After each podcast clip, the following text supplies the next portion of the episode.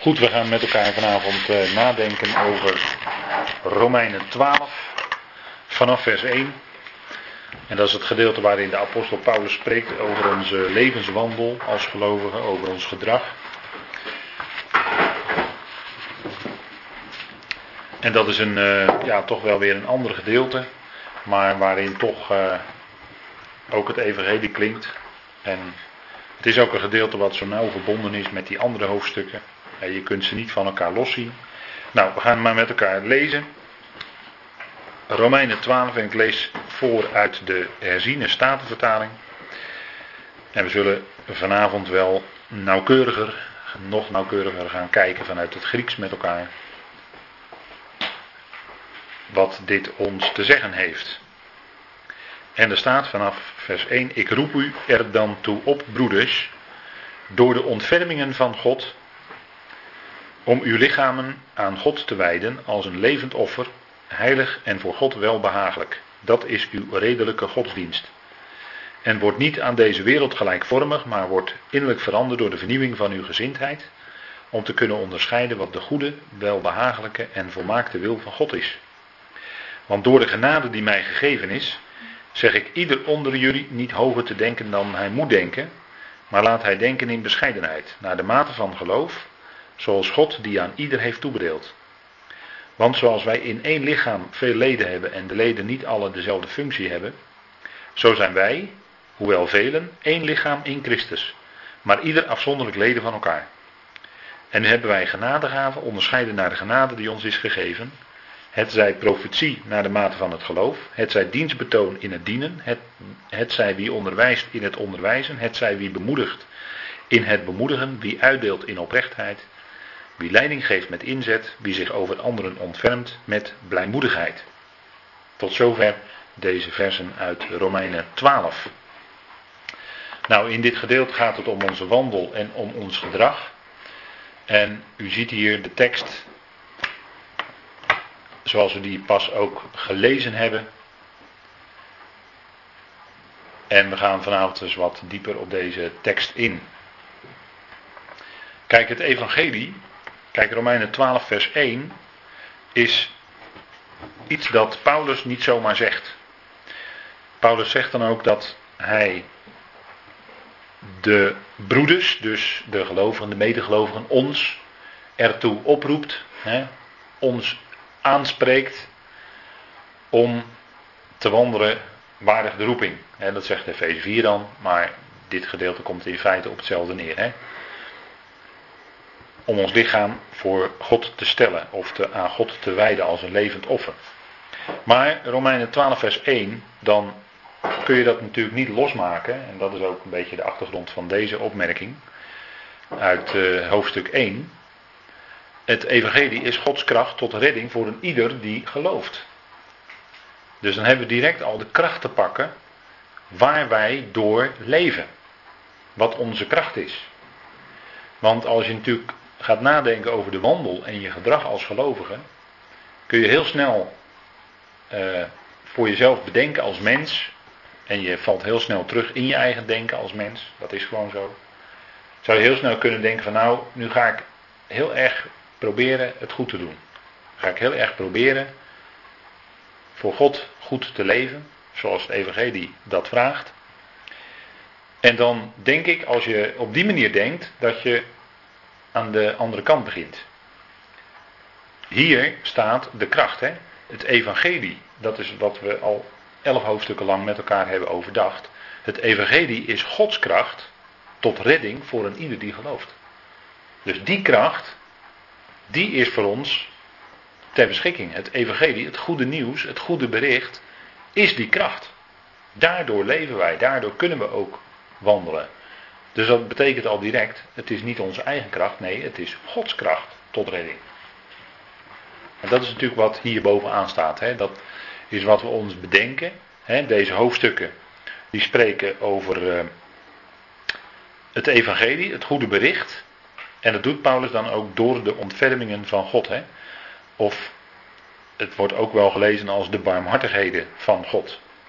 Maar het is goed om, dat, om dit gedeelte van onze wandel, wat ook evangelie is, om dat niet los te zien van die eerste elf hoofdstukken. Een Romeinenbrief is gewoon één geheel. Het hoort helemaal bij elkaar.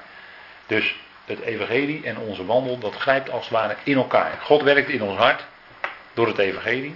Daardoor geeft hij ons kracht van binnen. En vanuit dat, dat, ja, je kan ook zeggen dat verwonderd zijn over wat God doet en wat God gedaan heeft in en door zijn zoon. Daardoor ga je eigenlijk, zou bijna zeggen, als vanzelf waardig wandelen. En dat is dus niet iets wat Paulus ons oplegt, maar is iets wat wij eigenlijk hè, op een natuurlijke manier gaan wij wandelen zoals God dat wil. En zo, hè, want anders dan kom je automatisch in een krampachtige situatie van, nou moet ik het doen en ik moet waardig wandelen, ik moet het goed proberen te doen. En nou, dan begin je gewoon aan de andere kant. Dan begin je aan de kant van jezelf. En hier staat die kant van God en daar gaat het in feite om. Hè. Het evangelie is Gods kracht tot redding voor ieder die gelooft. Nou, je hebt twee verschillende, laat maar zeggen, sferen. Hè? De sfeer van bij Israël toen de Torah gegeven werd, de wet gegeven werd op Sinaï, is de sfeer van wet. Daarbij werd het aan Israël in het vlees opgelegd. En dan moest de Jood het gaan doen. En dan zou ik zeggen, nou ga er maar aan staan. En bleek ook in de praktijk dat dat volk er ook helemaal niet aan kon voldoen wat God vroeg.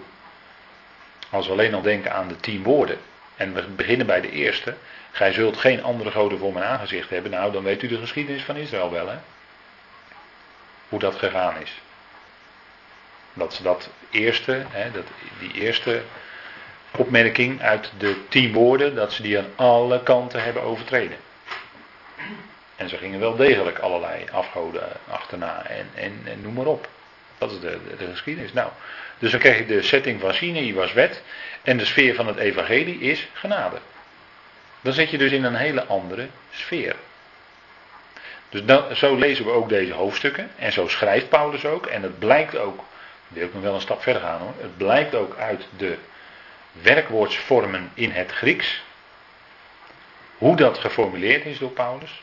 Ook daaruit blijkt dat we hier staan in een sfeer van genade. Dat hij dus niets aan ons oplegt, maar dat hij het ons aanreikt. Kijk, zo ziet dat eruit. Nou, dus dat is de sfeer van het evangelie, dat is genade. Dat we zeggen, op de momenten dat wij beseffen dat wij in onze wandel nog onvolkomen zijn, want die momenten komen we tegen op die momenten kunnen wij natuurlijk bij de pakken neer gaan zitten en heel bang zijn voor God en God, vrezen, en God op de verkeerde manier vrezen en noem maar op. Maar dan zegt het evangelie niet dat jij veroordeeld bent omdat je nog onvolkomen bent in je wandel. Nee, het evangelie zegt dat er geen veroordeling is voor hen die in Christus Jezus zijn. En daar, daar rekenen wij mee. Wij rekenen ermee dat we dood zijn voor de zonde en levend voor God in Christus Jezus onze Heer. Daar rekenen wij mee. En op het moment dat we van onszelf beseffen dat onze wandel nog onvolkomen is, blijven we toch zo rekenen. Want zo rekent God. God rekent ten diepste bij ons niet meer met het oude. We zijn in Christus een nieuwe schepping.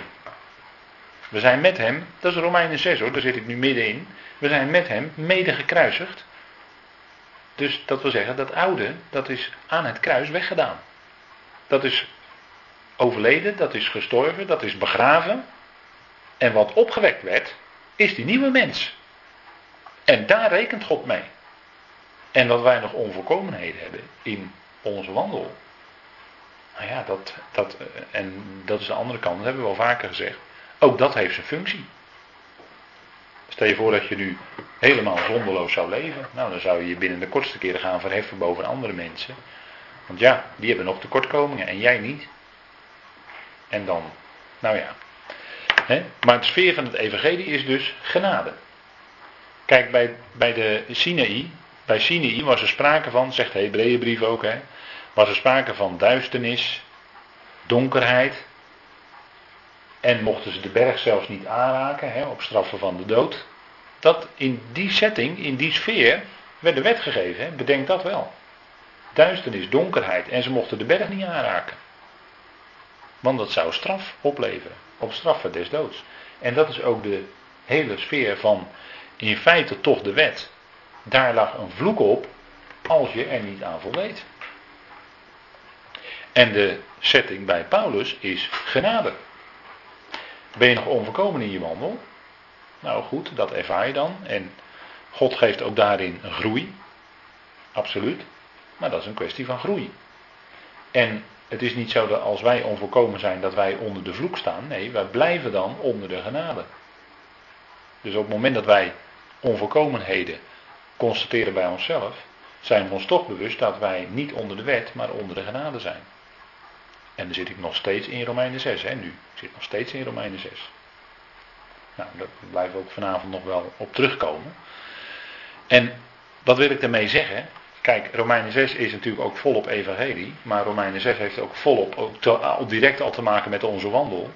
Dus daarmee grijpt dat in elkaar. Hè? Dus dat evangelie en onze wandel, dat grijpt in elkaar.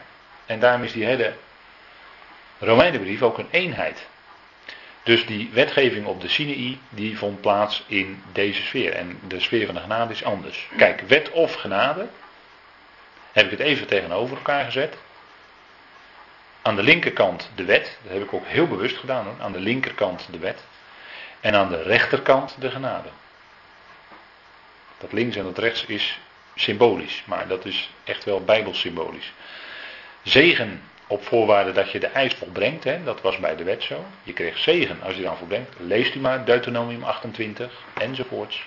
Er staat allemaal, als je dit en dit doet, dan zul je gezegend zijn op je akker. Dan, zul je gezegend zijn, dan zal de moederschoot gezegend zijn. Dan zal je gezegend zijn in je bakprog, enzovoort, enzovoort, enzovoort. Ze kregen aan alle kanten zegen. Maar, als ze het niet deden, dan kwam de vloek. En het was een hele lange, lange lijst. De, lange, de lijst met vervloekingen is nog veel langer dan de lijst met zegeningen. In Deuteronomium 28. Dat is een heel lang hoofdstuk. Daar staat het uitgebreid in. De wet, bij de wet was het wandelen op eigen kracht. Vlees namelijk. De wet werd gelegd op het vlees. En de wet was ook eh, onvolkomen in de zin dat die op het vlees gelegd werd. En je, kreeg een, je kwam onder de vloek als je het niet doet. Er stond straf op en er stonden allerlei sancties op. Dat is de wet. Aan de linkerkant dus. En aan de rechterkant zien we de genade. Dat is een zegen die je ontvangt zonder voorwaarden of eisen. Dus de genade eist niet, maar de genade roept op. De genade roept op van binnenuit. Het is niet dat onder de genade je het opgelegd wordt en anders staat er een flinke stok achter de deur. Dat is de genade niet.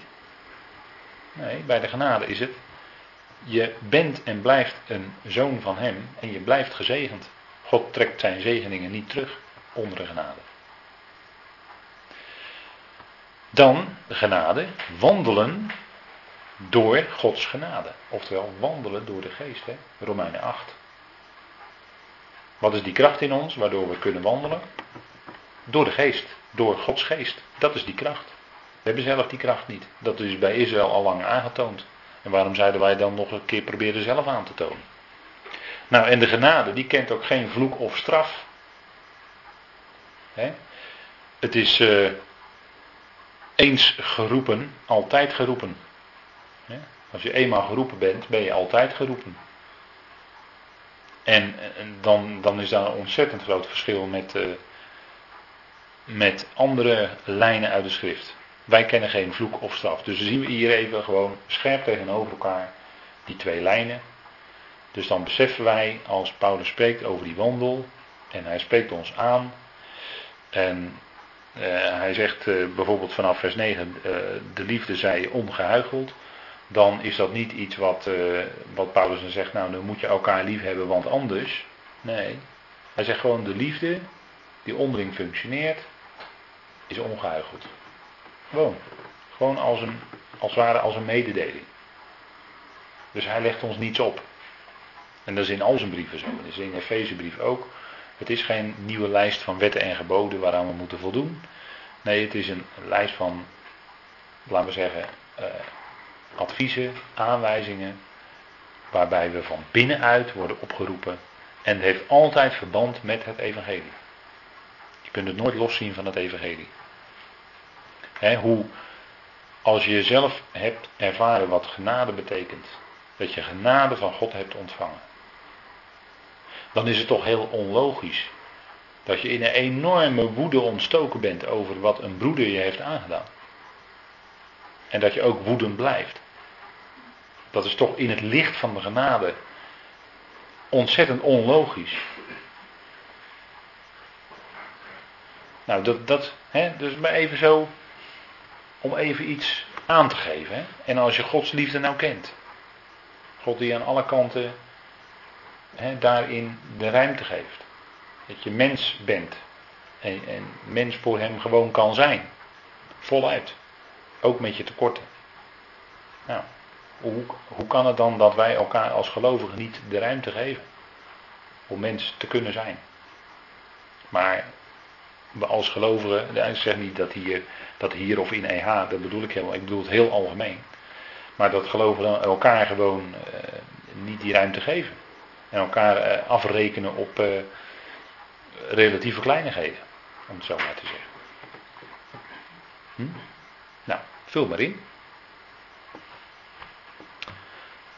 Grote kracht in ons is de geest van God. De geest van God. Dat is die kracht die in ons werkt. Romeinen 8 hè, hebben we daar uitvoerig bij stilgestaan. De geest van God die ons van binnenuit verandert en waardoor wij levend gemaakt worden, zodat wij instrument in Gods hand kunnen zijn. Dat is wat die geest in ons bewerkt. Nou, het woord dat Paulus hier gebruikt, is uh, ook het woord, ja, in de vertaling is het oproepen. Wij zeggen dan aanspreken. Dat is dat bekende Griekse woord para kaleo. Dat betekent heel letterlijk langsbij roepen. En dan moet je eigenlijk zo zien dat Paulus eigenlijk naast je komt staan of naast je komt zitten. En uh, even zijn hand op je schouder legt. En eens tegen je zegt van joh, ik wil je een paar dingen vertellen. Ik wil je een paar dingen meedelen. Om te weten. Zo op die manier. Dat is het aanspreken wat Paulus hier doet. Hè. Het is dus geen strenge vermanende vinger van Paulus. Nee, het is een liefdevolle oproep. Het is een liefdevolle aanwijzing. Een liefdevol aanspreken wat hij doet. Om ons te wijzen op ons gedrag onderling als gelovigen. Goedenavond. En dat doet hij dus. Hè, ik heb hier uh, een plaatje neergezet daarbij van. Uh, links is een plaat zoals men Paulus zich voorstelde, een schilder. En rechts twee harten. Nou, Paulus spreekt met ons van hart tot hart. Hier hè. Hij roept ons erbij. Hij legt zijn hand op onze schouder, heel liefdevol. En hij spreekt met ons van hart tot hart. En hij zegt tegen ons: Ik wil je een aantal dingen meedelen. Ik wil een aantal dingen tegen je zeggen. Zo op die manier is Paulus bezig. Dus dat is niet dat strenge opgeven vingertje. Je moet zo leven, want anders. Nee, zo is Paulus niet bezig. Het is uh, iemand die naast je staat, want Paulus is ook gewoon een mens. En Paulus had ook zo een, ja, een nogal heftig verleden, om het zo maar te zeggen. Hij had nogal aardig te keren gegaan, zelfs tegen de gelovigen. Hij was eh, bezig actief Jezus te vervolgen. Nou, dat is nogal wat. En hem was genade geschonken. En dan zie je eigenlijk door de brieven van Paulus heen dat hij steeds milder en steeds, je merkt dat hij steeds milder wordt, steeds liefdevoller. Dat, dat klinkt gewoon toch door zijn brieven ook heen, dus dat Paulus daarin ook een ontwikkeling maakt. Want het was ook nogal een heel erg heftig iemand die hè, nogal tekeer ging. Nou, hij roept ons erbij. Hè. Para kaleo, dat is dat, daar zit bemoediging in, in dat woord. Daar zit vertroosting in. En dat is ook de, dat is ook de sfeer waarin hij ons aanspreekt. Nou, genade, een uh, visje, ik vond hem wel aardig. Hè, om, dat, om ons daar nog even aan te herinneren. Genade is niet goedkoop, maar wel gratis. Hè? Genade is niet een beetje gratis, genade is gewoon echt gratis. En dat is voor veel mensen al moeilijk om te aanvaarden. Want we willen toch graag iets terug doen. Ja, ik krijg dit van jou, maar dan wil ik ook dat jij wat meeneemt. Of dat jij wat terug. Of jij hebt mij dat gegeven, dan geef ik jou toch nog een aardigheidje terug. Als bedankje. Ja, dat is allemaal prima hoor, daar gaat het verder niet om. Maar bij genade is het echt gewoon gratis. Dan ontvang je het en je hoeft echt helemaal niks terug te doen. Dat is fantastisch hè. En als Paulus ons dan oproept tot onze wandel, is dat alleen maar een antwoord op Gods liefde die in ons werkt. En Gods liefde werkt zo in ons door, ja, dat wij, als wij zien dat God zo is, dat hij zoveel liefde voor ons heeft, dat hij zelfs zijn eigen zoon niet gespaard heeft, maar hem voor ons allen heeft gegeven. En, en dan zal hij ook ons met hem in genade alles schenken. Dat is ongelooflijk veel. Nou, als God zo is, die God, dan zeg je, ja, maar die God wil ik dienen. Die God, daar hou ik van. Dat is een, een, een werkelijk een waarachtige, liefdevolle vader. En daar, die wil ik dienen in mijn leven. Daar wil ik voor leven. Nou, zo op die manier. Hè, zo werkt het evangelie een beetje, kort gezegd, in ons uit. Nou, wat is dan de basis voor onze logische dienst aan God? Want daar is wat Paulus het over heeft. Hè. Hij gebruikt het woord uh, redelijk. Een redelijke godsdienst. Maar het is, uh, dat woord redelijk, daar zit in het Grieks ook dat woord logisch in. Als je het woord leest, dan, is het ook, dan klinkt het ook zo. Maar dat heeft ook wel met elkaar te maken, dat Griekse woord en ons woord logisch. Maar wat is nu de basis van onze logische dienst aan God? Wat is daar nu de basis van? Om waardig te wandelen? Ja, de logische dienst aan God is onze waardige wandel. Maar wat is nou de basis van die waardige wandel? Van die logische dienst? Waar is. Wat? Het hemelslotdeel. Het hemelslotdeel. Ehm ja, zo, ja, zo kun je dat zeggen, ja. Ja. Ja. En, en wat, wie kan dat misschien nog even van een andere kant bekeken? Ja, het heeft er wel, wel alles mee te maken. Ja, zijn liefde. Zijn liefde, ja. Ja, zeker. Kijk, dit. De vorige dia, de genade alleen. Hè. Dat is eigenlijk de basis voor onze dienst aan God. En natuurlijk wordt onze wandel ook beïnvloed, zeer zeker. En is het ook, ook eigenlijk wel fundamenteel dat wij een hemelse roeping hebben, geen aardse roeping. Daardoor ziet onze wandel er totaal anders uit in een heleboel aspecten dan, dan Israël, die wel een aardse roeping heeft. Maar bij ons is het echt genade alleen. En eigenlijk hoef ik dat woord alleen hoef je er eigenlijk niet eens bij te zeggen. Het is gewoon genade. En dat is gewoon echt gratis. Gratis er kan niet. Dat is de basis voor onze wandel. Genade alleen. En op momenten dat wij constateren bij onszelf dat er onvolkomenheden zijn, dan blijft genade alleen gewoon staan. God trekt zijn zegeningen namelijk niet terug. Zoals we in dagelijks verkeer dan wel eens op een hele andere manier zeggen, eens gegeven, blijf gegeven. Maar dat is eisen. Als mens tot mens dat zeggen, dan is het eisend. Maar wij mogen in dankbaarheid zeggen, als we over God nadenken, eens gegeven, blijft gegeven. God neemt dat nooit terug. Nooit. Want het is genade en het blijft genade. Daar verandert niks aan. Ook onze onvolkomenheden veranderen daar helemaal niets aan. Eigenlijk maakt, die, maakt dat alleen maar, ja, nou wordt het bijna weer gevaarlijk als ik dat zo zeg. Maar dan zit ik, ja, blijf in Romeinen 6, maar dan is die genade eigenlijk, blijkt alleen maar weer groter te zijn. Want dat wij, ondanks onze onvolkomenheden, dat God toch met ons verder gaat, om het maar even zo te stellen, is ook gebaseerd op wat hier staat: genade alleen. Want dat blijft het, die boodschap. En die boodschap, daar valt niks aan te veranderen hoor. Daar valt niet mee te marchanderen, daar kun je niks aan toevoegen, ook niet eigen werken of wat dan ook. Daar, daar kun je niet mee uh, sjoemelen om maar eens een Jiddisch woord te gebruiken. Hm? Nee, het, het blijft zo, genade. En dat blijven we onderstrepen, dat blijven we zeggen, want het evangelie is genade. God is een genade God. Nou, genade alleen, dat is dus de basis voor onze wandel. En, en in de Efezebrief, natuurlijk een fantastische brief, die volgt op de Romeinenbrief, komt inderdaad die hemelse roeping als, als een overstromende genade, hè, de overstijgende rijkdom van zijn genade hebben we dan over. Dus dan gaat Paulus nog meer stapelen met die woorden, omdat die genade dan nog groter blijkt te zijn dan al in Romeinen bekend was gemaakt. Ja, dat, dat is zonder meer de basis voor onze wandel van vandaag. Dat we niet aardsgezind zijn, maar gericht op de dingen die boven zijn. Nou, wat is onze kracht voor onze dagelijkse wandel? Dat is, uh, ja, de geest hebben we al gezegd, hè? Gods geest, zijn genade en zijn woord. Maar dat grijpt ook allemaal in elkaar, hè, eigenlijk. Kijk, als je, als je pas tot geloof bent gekomen, dan zegt de Bijbel dat je eigenlijk een baby bent in het geloof. Nou, een baby kan alleen maar melk drinken. Die is in de eerste periode nog niet toe aan vaste spijs. En zo is het ook in het geloofsleven. dat zegt Petrus dan, verlangt als pasgeboren kinderen naar de redelijke en onvervalste melk. En wat is dat? Dat is het woord van God. Dus een baby drinkt alleen melk.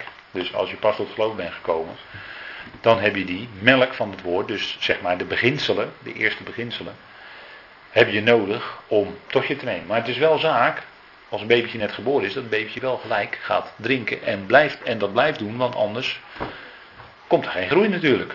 En in het ergste geval, dan overlijdt het babytje. En dat, eh, dat is natuurlijk absoluut niet de bedoeling. Dat zou vreselijk zijn. Maar daarom is het ook goed dat gelovigen, nadat ze door dat woord tot geloof zijn gekomen, ook blijven drinken van het woord. En dat zijn misschien in het begin dan de grondbeginselen, maar dan moet je daarna moet je ook, hè, komt er een groei en van als, hè, op den duur, dan ben je ook toe aan de vaste spijs. Hè, en nou, dat is wat ik eh, aan, met het rechte plaatje heb uitgedrukt. Dit zijn natuurlijk bijbelse eh, begrippen. De honing. Kijk, dat is niet de honing die wij in de supermarkt kopen in een potje, want die is eh, heel uh, stroperig, zeg maar. Die doe je zo, smeer je op je brood, smaakt lekker zoet. Nee, een honing zoals dat in het wild gevonden wordt, ook in het land Palestina, is heel hard, is, vaste, is echt vaste spijs.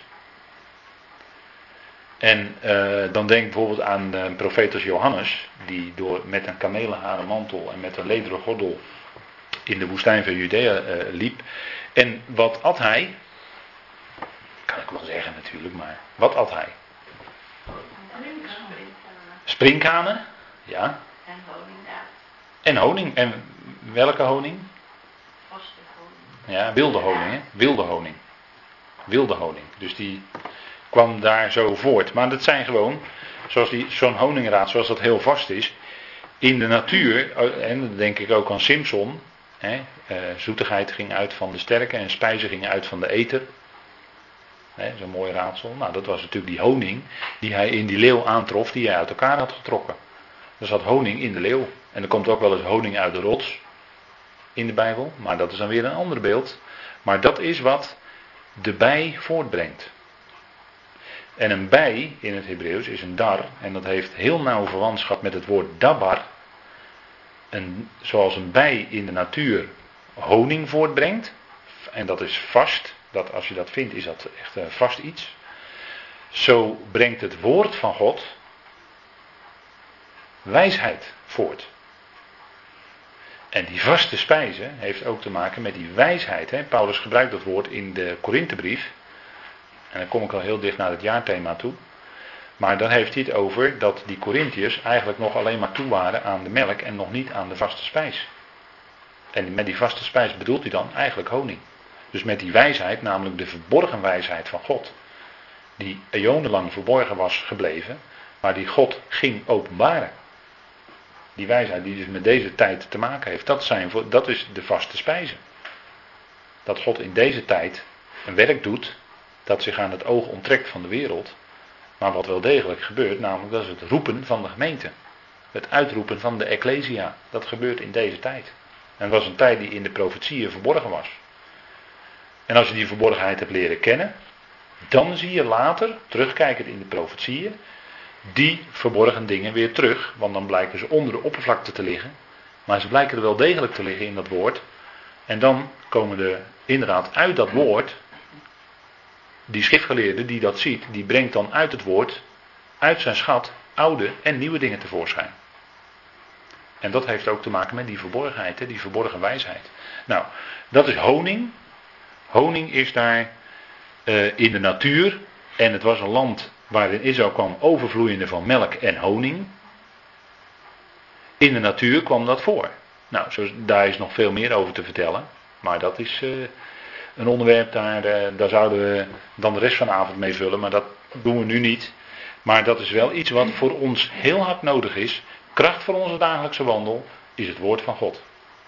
Je kunt niet één op zeven lopen. Wat bedoel ik dan? Je kan niet alleen een preek horen op zondag en zeggen: Zo, nou heb ik voor zeven dagen gegeten. Dat doe je in dagelijks leven ook niet. In het dagelijks leven eet je ook elke dag drie keer. Dan zeg ik niet dat je drie keer. Maar wel dat het iets is voor onze dagelijkse wandel. En dan lijkt het mij toch logisch dat je ook dagelijks dat woord van God nodig hebt als gelovige. Dus dat is de kracht voor onze dagelijkse wandel. Het woord van God. Dat bouwt op. Dat voedt op en dat brengt je terecht. Nou kijk, dit heb ik in feite al gezegd. Hè. Romeinen 1 tot en met 11 en 12 tot en met 16. Dat zijn schakels die onlosmakelijk aan elkaar verbonden zitten. Dat is een eenheid. Die kun je niet van elkaar losmaken. En daarom dat die wandel is geworteld in dat evangelie. Nou, verlossing. Hè, we hebben verlossing gekregen door het evangelie. Israël werd verlost uit de slavernij van Egypte. En wij zijn verlost uit de slavernij van de zonde. En God maakt ons los. Hè, dat is zijn verlossingswerk. Dat is zijn redding voor nu in ons dagelijks leven. Verlost hij ons van de slavernij van de zonde. Wat was Israëls slavernij in Egypte? Wat moest Israël doen in Egypte? Israël? Tichelstenen bakken, ja. En waar is dat een beeld van? Van de?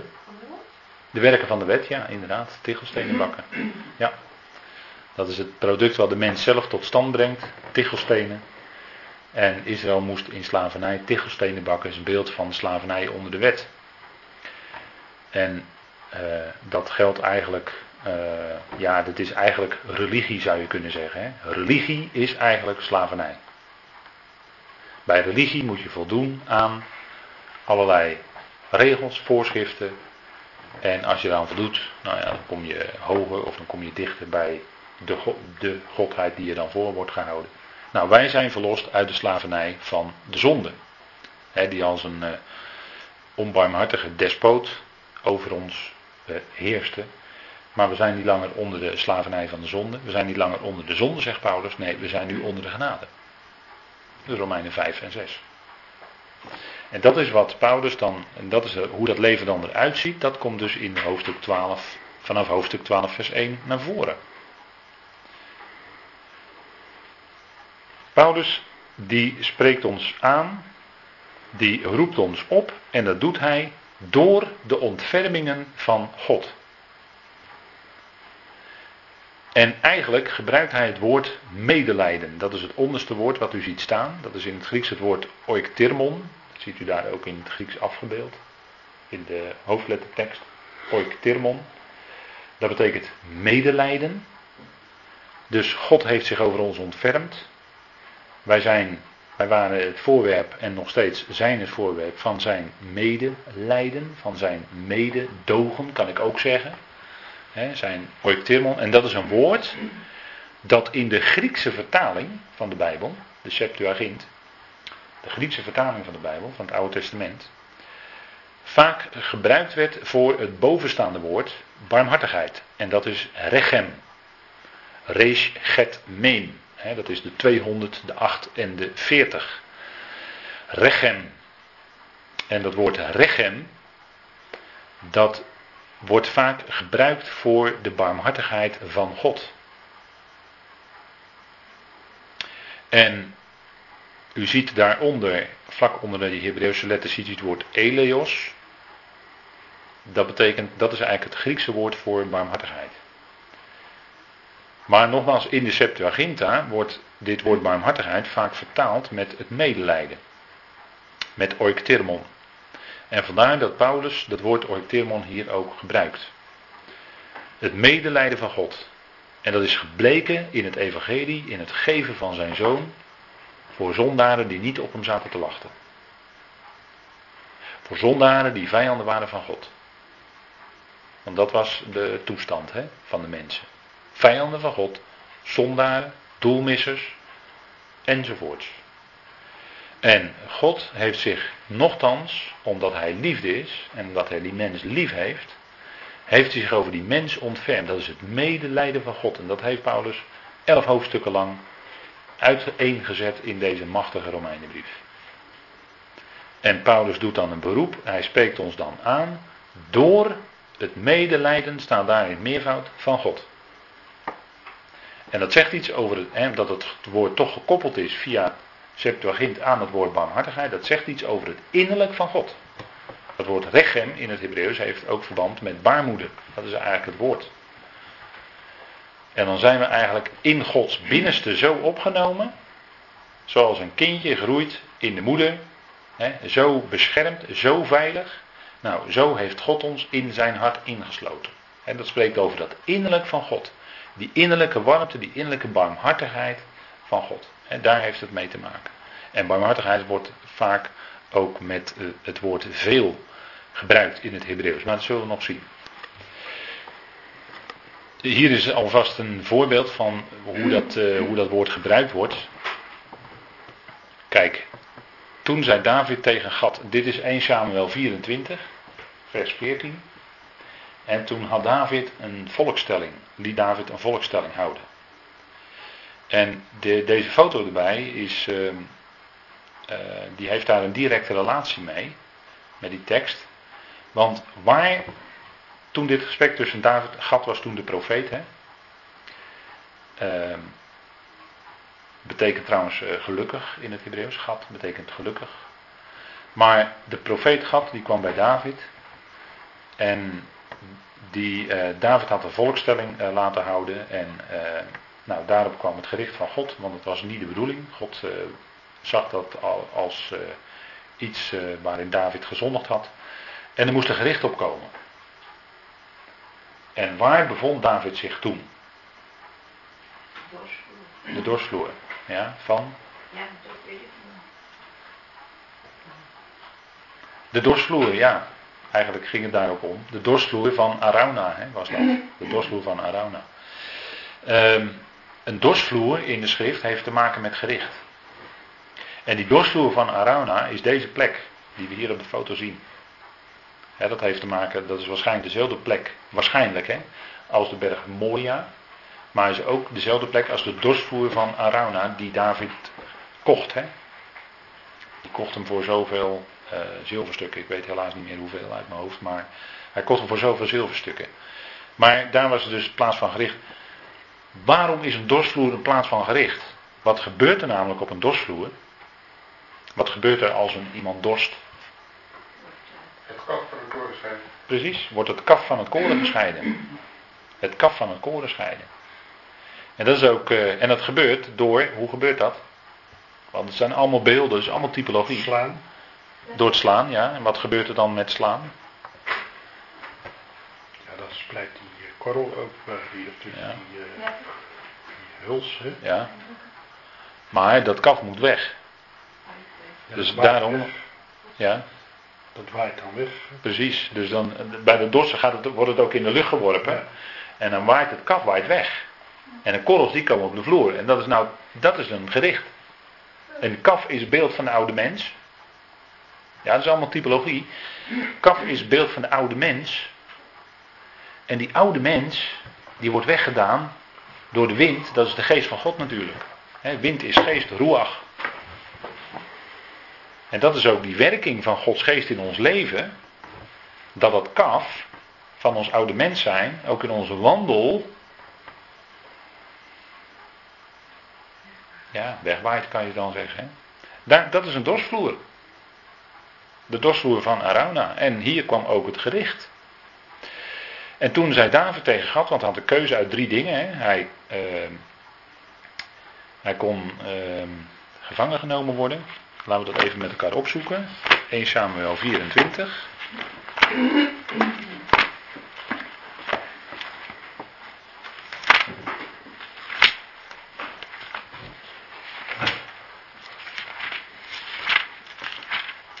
Sorry, 2 Samuel 24. Pardon.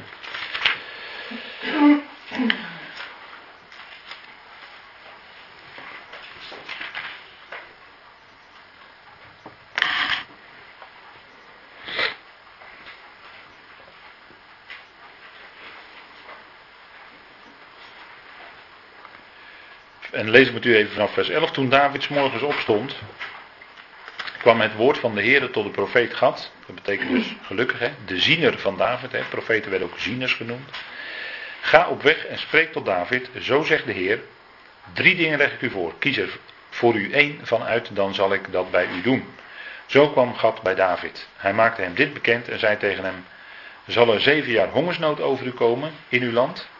Of wilt u drie maanden vluchten voor uw vijanden, terwijl die u achtervolgen? Of zal er drie dagen pest in uw land zijn? Wel nu, overweeg dit en zie wat ik voor antwoord ik hem die mij gezonden heeft moet brengen. Toen zei David tegen Gad: Het benauwt mij zeer. Laat mij toch in de hand van de Heere vallen, in de hand van Yahweh vallen. Want, waarom? Want zijn barmhartigheid is groot. Laat mij echter niet in de hand van mensen vallen. Ziet u die keuze van David? Dat is dus heel diepgaand hè, wat hier gebeurt. Wat David zegt hier. Laat mij toch in de hand van Yahweh vallen. Want zijn barmhartigheid is groot. Want David had dus God leren kennen. Hij had Yahweh leren kennen en hij wist dat die innerlijke barmhartigheid, die rechem, dat die groot is. En dat is ook wat David, dat is ook wat er gebeurde. Er brak pest uit. Vers 15. Toen gaf de Heer een uitbraak van de pest in Israël vanaf de morgen tot op de vastgestelde tijd. En er stierven van het volk van Dan tot Beersheba 70.000 mannen. Dat is nogal wat. Maar David had een volkstelling gehouden. En dat werd. En hij besefte dat hij daarin gezondigd had. Nou goed, daar gaan we misschien ooit dan wel eens over spreken. Wat het uh, verder inhoudt. Maar let op dat hier David dus zegt: hè, David die God kent, zijn barmhartigheid is groot. Dat wist hij al onder het oude verbond. Moet je nagaan.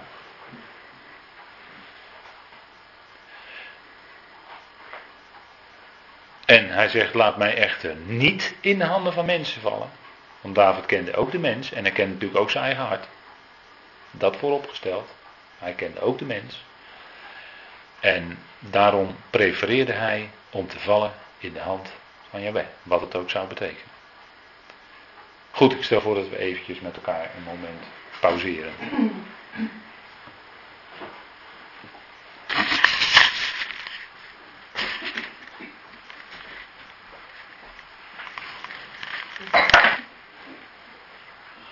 Goed, we hebben gekeken naar uh, de doorvoer van Arauna en de volkstelling. Maar dat is op zich alweer een onderwerp apart. Waarover uh, nog veel te zeggen zou zijn, maar dat misschien voor een andere keer. David verkoos ervoor in de handen van Yahweh te vallen, in de handen van God. En hij wist dat Gods barmhartigheid groot is. Nou, daar spreekt deze tekst ook van, Psalm 69. U weet dat het ook een van de bekende zogenaamde lijdenspsalmen is, hè, Psalm 69. En daar bidt de psalmist: Verhoor mij, Yahweh, want uw goede tierenheid is rijk. Dat is die geset, die goede tierenheid van God. Zie mij aan naar uw grote barmhartigheid. Dus ook de psalmist, dit was waarschijnlijk ook inderdaad David, die, die getuigt er ook van in deze psalm, als hij zijn gebed in zijn nood bidt tot God. En daar geeft hij blijk van dat hij God kent, want God heeft veel barmhartigheid. daar wordt het woord uh, rabba of rabim voor gebruikt. Dat betekent veel. En dat, is, uh, dat hoort echt bij het woord barmhartigheid. dat is Gods innerlijk. Zijn innerlijke barmhartigheid. En ook die barmhartigheid van God die blijkt bij Hosea, Hosea 2. In Hosea gaat het vaak over de tien stammen, hè, over Ephraim enzovoort. Um, en daar gaat het ook over waar ik het al eerder over had vanavond, de afgoderij. Hè, de, God had gezegd, gij zult geen andere goden voor mijn aangezicht hebben. En omdat Israël dat toch deed, en omdat het oude verbond zeer zeker, en dat hebben we ook hier uitgebreid besproken aan de hand van Romeinen 7. Het oude verbond is ook een huwelijk van Yahweh met zijn volk Israël. En daarmee lees je op, eh, in verschillende profetieën, Jeremia, Jezaja en ook Hosea is daar heel scherp in. Dat Israël hoereerde met andere afgoden. Ze liepen ze overspelig na. En om die reden gingen ze ook in ballingschap. En de eerste die in ballingschap gingen waren, waren de tien stammen.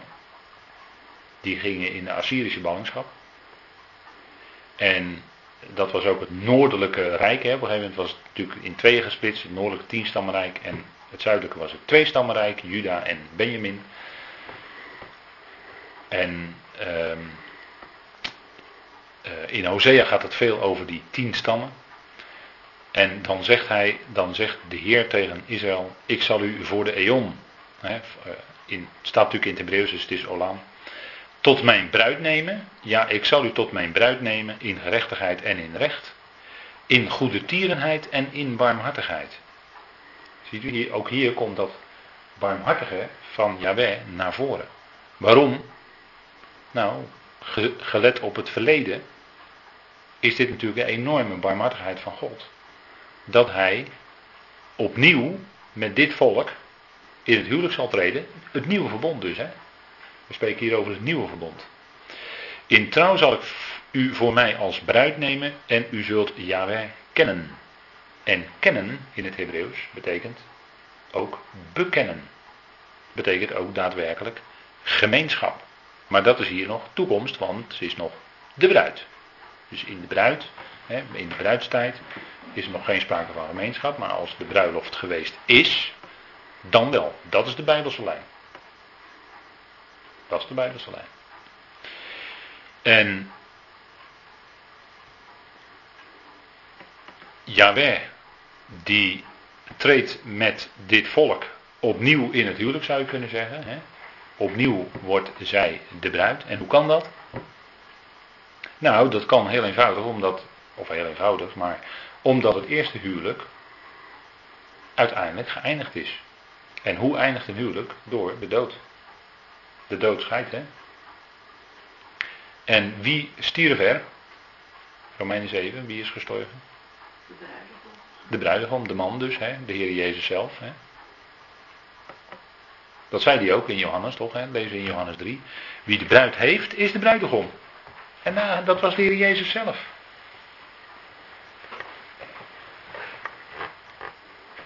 En hij stierf.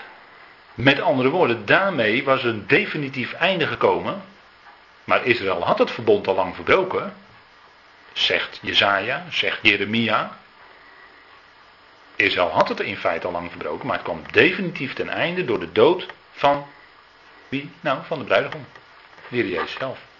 En toen hij was opgewekt uit de doden, kon Israël dus de vrouw worden van een ander, namelijk degene die is opgewekt uit de doden. En dat staat ook weer precies in Romeinen 7 zo. Nou, dat is dus, daar zit dit dus achter. Hè. Maar dan zal de bruidstijd komen, de bruiloft, hè, komende koninkrijk. Johannes 2, hè. Johannes 2, de bruiloft, waar water wijn werd, is een beeld van het koninkrijk. En dan zal Israël de bruid zijn. En daarom uh, is het ook absoluut onmogelijk. Hè? Er zijn tegenwoordig heel wat gelovigen die dat denken, dat de gemeente of de kerk de bruid is, maar dat kan helemaal niet. Want je kunt nooit bruid en lichaam tegelijkertijd zijn. Hoe kun je nu lichaam van de bruidegom zijn en tegelijkertijd bruid? Dat kan toch niet? Nou, dat is heel simpel dus. Dus de gemeente kan in principe, of, of als, eh, als principieel punt, kan de gemeente nooit de bruid zijn. Absoluut onmogelijk, want wij zijn deel van de bruidegom. Wij horen bij het lichaam van de bruidegom. En nou, dat is denk ik vrij helder. Eigenlijk heel eenvoudig. Nou goed, Israël zal dus, en dat is door Gods barmhartigheid. Dat komt omdat God een barmhartig God is en heeft Israël dus niet voor eeuwig van zich verstoten. Maar hij zal, hij zal haar weer weder aannemen in het nieuwe verbond. En dat is dus ook weer een huwelijk. Nou, het Evangelie zegt, en dat is waar wij bij betrokken zijn. Allen hebben gezondigd. Dat is het goede nieuws voor ons. Allen hebben gezondigd en missen de heerlijkheid van God. En worden om niet. Ziet u? Om niet. Staat er al, hè? Gerechtvaardigd in zijn genade. Dan staat het er nog een keer. In feite. Want om niet is eigenlijk hetzelfde als in zijn genade. Hoe door de vrijkoping in Christus Jezus. Dus die vrijkoping ligt niet in onszelf, maar die ligt in Christus Jezus. En daarin, wij zijn in Hem dus vrijgekocht. Dus dat is het evangelie, hè. Dat is die barmhartigheid van God, die daarin aan alle kanten klinkt. En die klinkt ook hier in Romeinen 5. God echter bewijst zijn liefde voor ons daarin. Dat terwijl wij zondaren zijn, Christus voor ons stierf. Wat een enorme liefde is dat, hè? Een liefde van God. Dat toen wij nog zondaren waren, vijanden, hem niet zochten. Die hele mensheid niet. Heeft hij in zijn weergaloze liefde zijn zoon gegeven. En het is Christus die voor ons stierf. Christus is in feite de opgewekte. Christus is de opgewekte. Maar hij is voor ons gestorven. En dat is een enorme daad. Dat is een enorme betekenis, een diepe betekenis van liefde. Hij stierf voor ons. En hij is natuurlijk opgewekt. En dit is ook evangelie. Ook Gods barmhartigheid. En dat zijn zomaar een paar geweldige dingen uit het evangelie waarin Gods barmhartigheid blijkt. God heeft allen in weerspannigheid opgesloten. En dat heeft een bedoeling. Dat is niet zomaar. Maar dat is opdat hij zich over allen ook zou ontfermen. Dat zijn diezelfde allen, hè. God heeft allen in weerspannigheid besloten om zich over allen te ontfermen. En de kerkelijke theologie weet hier geen raad mee met deze tekst. Omdat zij artikel 37 hebben waarin staat dat de ongelovigen voor altijd gepeinigd zullen worden in de poel des vuurs. En dat dat artikel er is, weten ze zich geen raad met deze tekst waarin gewoon staat dat God zich over allen zal ontfermen. En degenen die eerlijk zijn, de professoren die eerlijk zijn, die komen er wel vooruit. Weliswaar bescheiden en met formuleringen, maar ze komen er vooruit. Maar het staat hier en het zal ook werkelijkheid worden. En dan komt Paulus met deze. Oh, dit ging niet goed.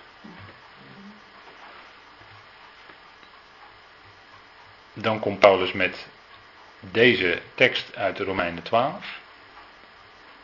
En die heeft dan dus zijn wortels in die barmhartigheid van God, in dat evangelie. En hij roept ons, hij spreekt ons aan om onze lichamen aan God te stellen als een levend offer, heilig en voor God welgevallig. Hè? Dus het gaat om onze lichamen. Die, dat zijn instrumenten in Gods hand om ten dienste van God te staan. Dus wij zijn daar met ons hele wezen, met ons hele mens zijn, zijn we daarbij betrokken. Het gaat niet alleen om onze geest. We zijn in de geest inderdaad levend gemaakt. En dat krijgt een uitwerking in ons zielenleven. Maar ook ons lichaam is erbij betrokken. Want we zijn als mens een eenheid. Het gaat ook om ons lichaam. In de tijd van Paulus waren er gnostieke mensen, gnostici. Die eh, hadden een lering dat het lichaam helemaal niet belangrijk was. En dat zat ook een beetje in de platonische filosofie. Maar die zeiden van ja, het lichaam is helemaal niet belangrijk, dat is maar stof, dat is maar materie en dat zal toch wel vergaan. Maar het gaat om die goddelijke vonk in ons. Zegt de Nieuwheidsbeweging ook vandaag de dag. Hè? Die heeft ook weer over die goddelijke vonk. Maar dat zeiden ze 2000 jaar geleden ook al en daarvoor. Hoor. Het is, eh, ze zeggen wel New Age, maar er is niks nieuws aan. Komt uit dezelfde koker. Hè? Ze hebben het weer over die goddelijke vonk. Maar dat zijn gewoon de oude leerlingen uit Babel. En Babel bestaat lang en bestaat heel hardnekkig, heel erg hardnekkig. Maar goed, er komt wel een keer een einde aan. Maar onze lichamen te stellen voor God. Dat is wat Paulus ons zegt. Hè? Stel je op voor God. En daarmee knoopt hij aan bij het onderwijs uit Romeinen 6. Want in Romeinen 6 stond en staat. En stel uw ledenen niet ter beschikking aan de zonde als wapens van ongerechtigheid. Maar stel uzelf ter beschikking aan God als mensen die uit de doden levend zijn. En laat uw leden wapens van gerechtigheid zijn voor God. Een menselijk lichaam bestaat uit allemaal leden. Allemaal lichaamsdelen. Hetzelfde woord, hè? leden en delen is hetzelfde woord. Een soort anagram. Maar die stellen wij, als wij tot bewustzijn van de evangelie zijn gekomen, die stellen wij voor God. Hè? Stel die leden ter beschikking aan God. Nou, dat heeft dus te maken met onze voeten, waar die naartoe gaan. Met onze handen, wat die doen. Met onze ogen, wat die zien. Met onze oren, wat we horen. Met onze tong. Als het om een menselijk lichaam gaat, dan moet je maar eens opletten. Begint Paulus met de tong. Hè? in Romeinen 3. Als hij zegt, iedereen is onrechtvaardig, alle mensen zijn onrechtvaardig. En dan begint hij met de tong. Hun keel is een geopend graf. Met hun lippen plegen zij bedrog, hè, of slangenvenijn is onder hun tong. En met hun mond spreken zij valsheid. Dus Paulus begint er al met de mond. Maar de mond is ook een deel van ons lichaam. Hè? Nou, dat we die, dus onze mond, ook dus ter beschikking aan God. Is ook hè, nuttig in zijn dienst. En wat is nou nuttig in de Bijbel? Wat, wat is nou nuttig? Als we onze leven nou nuttig gebruiken, wat, wat doen we dan? Wat is nou nuttig als we het hebben over de gemeente? Want kijk, je kan natuurlijk wel zeggen, kijk, je kan natuurlijk die genade wel verkeerd, of uh, je kan die genade op een bepaalde manier uitleggen. Zo van, ja, alle dingen zijn mij geoorloofd. Zegt Paulus ook, alle dingen zijn mij geoorloofd. Herhaalt hij ook, hè? Alle dingen zijn mij geoorloofd. Opbouw. Ja, maar niet alles is tot opbouw, hè? Niet alles is nuttig. En parallel eraan zegt hij, niet alles is tot opbouw. Dus wat is dan nuttig? Dat is wat is tot opbouw van wie?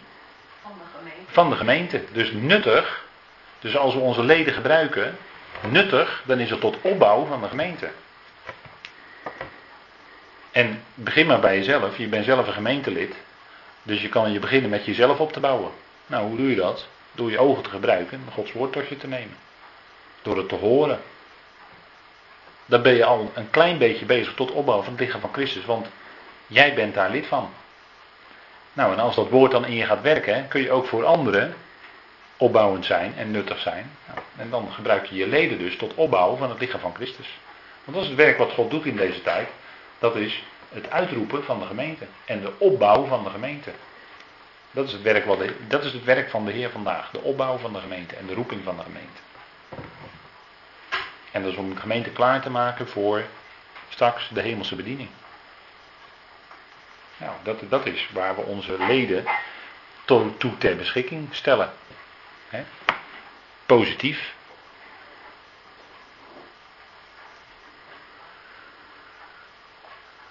En het volgende aspect, hè, is niet alleen jullie lichamen te stellen, en u moet dat Romeinen 6 daar nog maar eens op nalezen, op dat stellen, want dat gebruikt Paulus nog wel een paar keer. Om jullie lichamen God te stellen als een levend offer. En in het oog van de Tenach zou je kunnen, of met het oog op de Tenach, het Oude Testament, zou je kunnen zeggen: hé, hey, wacht eens even, een levend offer. Hoe zit dat? Want ik lees daar over allerlei dieren die geslacht werden in de dienst aan God. Hè, bij de tabernakel en bij de tempel. Soms zelfs met duizenden tegelijk. Hè. Denk aan de inwijding door Salomo. Een levend offer. Ja, want het gaat om ons lichaam. Dat wel degelijk leven heeft ontvangen. Leven vanuit de geest van God. En dan is dat lichaam levend voor Hem. En dat is ook wat, uh, wat de. Zo werden de offerdieren ook gebracht hè, bij de tabernakel. Als een levend offer. Die dieren werden levend aangeboden. Dat beeld moet u even in gedachten hebben. Als het om onszelf gaat. Dat we zeggen, wij komen tot de Heer. Of ik kan ook zeggen, Hij heeft ons tot zich getrokken. Want niemand kan tot de, tot de Vader komen. Of tot de Zoon komen tenzij de Vader hem trekken. Nou, Hij heeft ons tot zich getrokken. En dan presenteren wij ons aan Hem. En dan zeggen we tegen Hem, Heer, hier ben ik. wilt u mij maar gebruiken in uw dienst? En dat is levend offer. En als je dat doet, dan moet je natuurlijk niet eraan van op gaan kijken als hij het ook gaat doen. Als hij je ook gaat gebruiken in zijn dienst. Dat gaat hij dan doen. Nou, en dan zet hij ons in voor dat werk waarvoor hij ons bedoeld heeft. En dan, dat is, dat is, uh, hè, dat is uh, zeker tot opbouw van de gemeente. Dan zet hij ons dus in tot nut, dat is tot opbouw van de gemeente. Dat werk. Op een of andere manier. Nou, dat is het hè.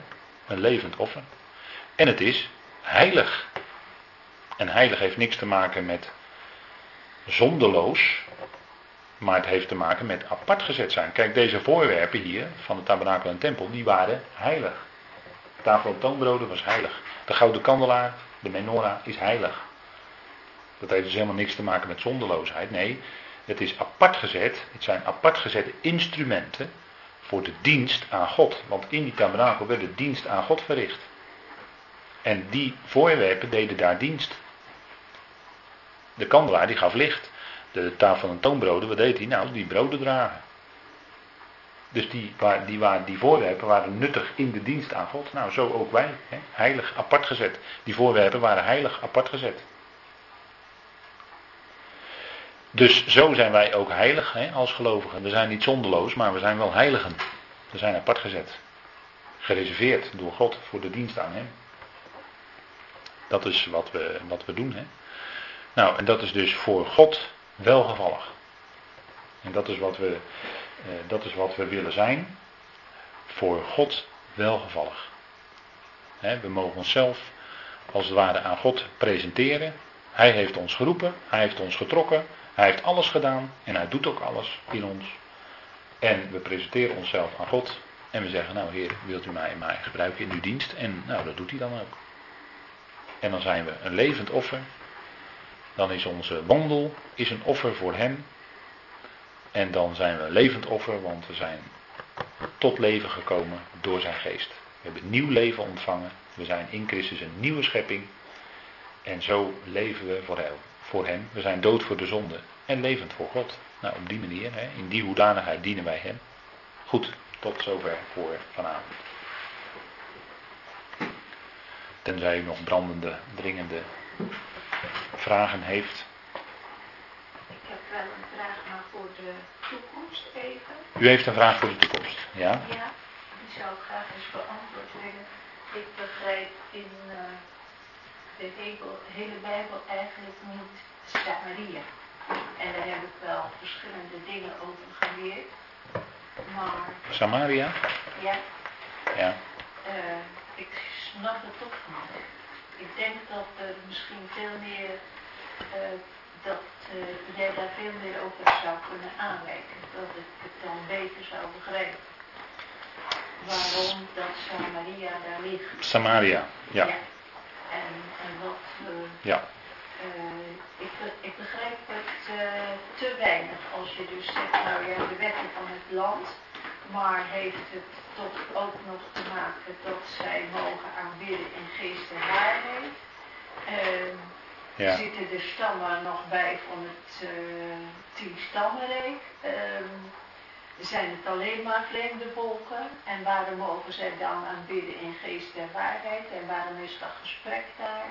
Met de Samaritaanse vrouw, ja. Ja, dat, uh, we hebben daar die predikaties en zo over gehad, maar ja. ik kan ook het ontstaan van Samaria niet zo goed in de Bijbel vinden, omdat ik daar de weg niet voor weet. Nee.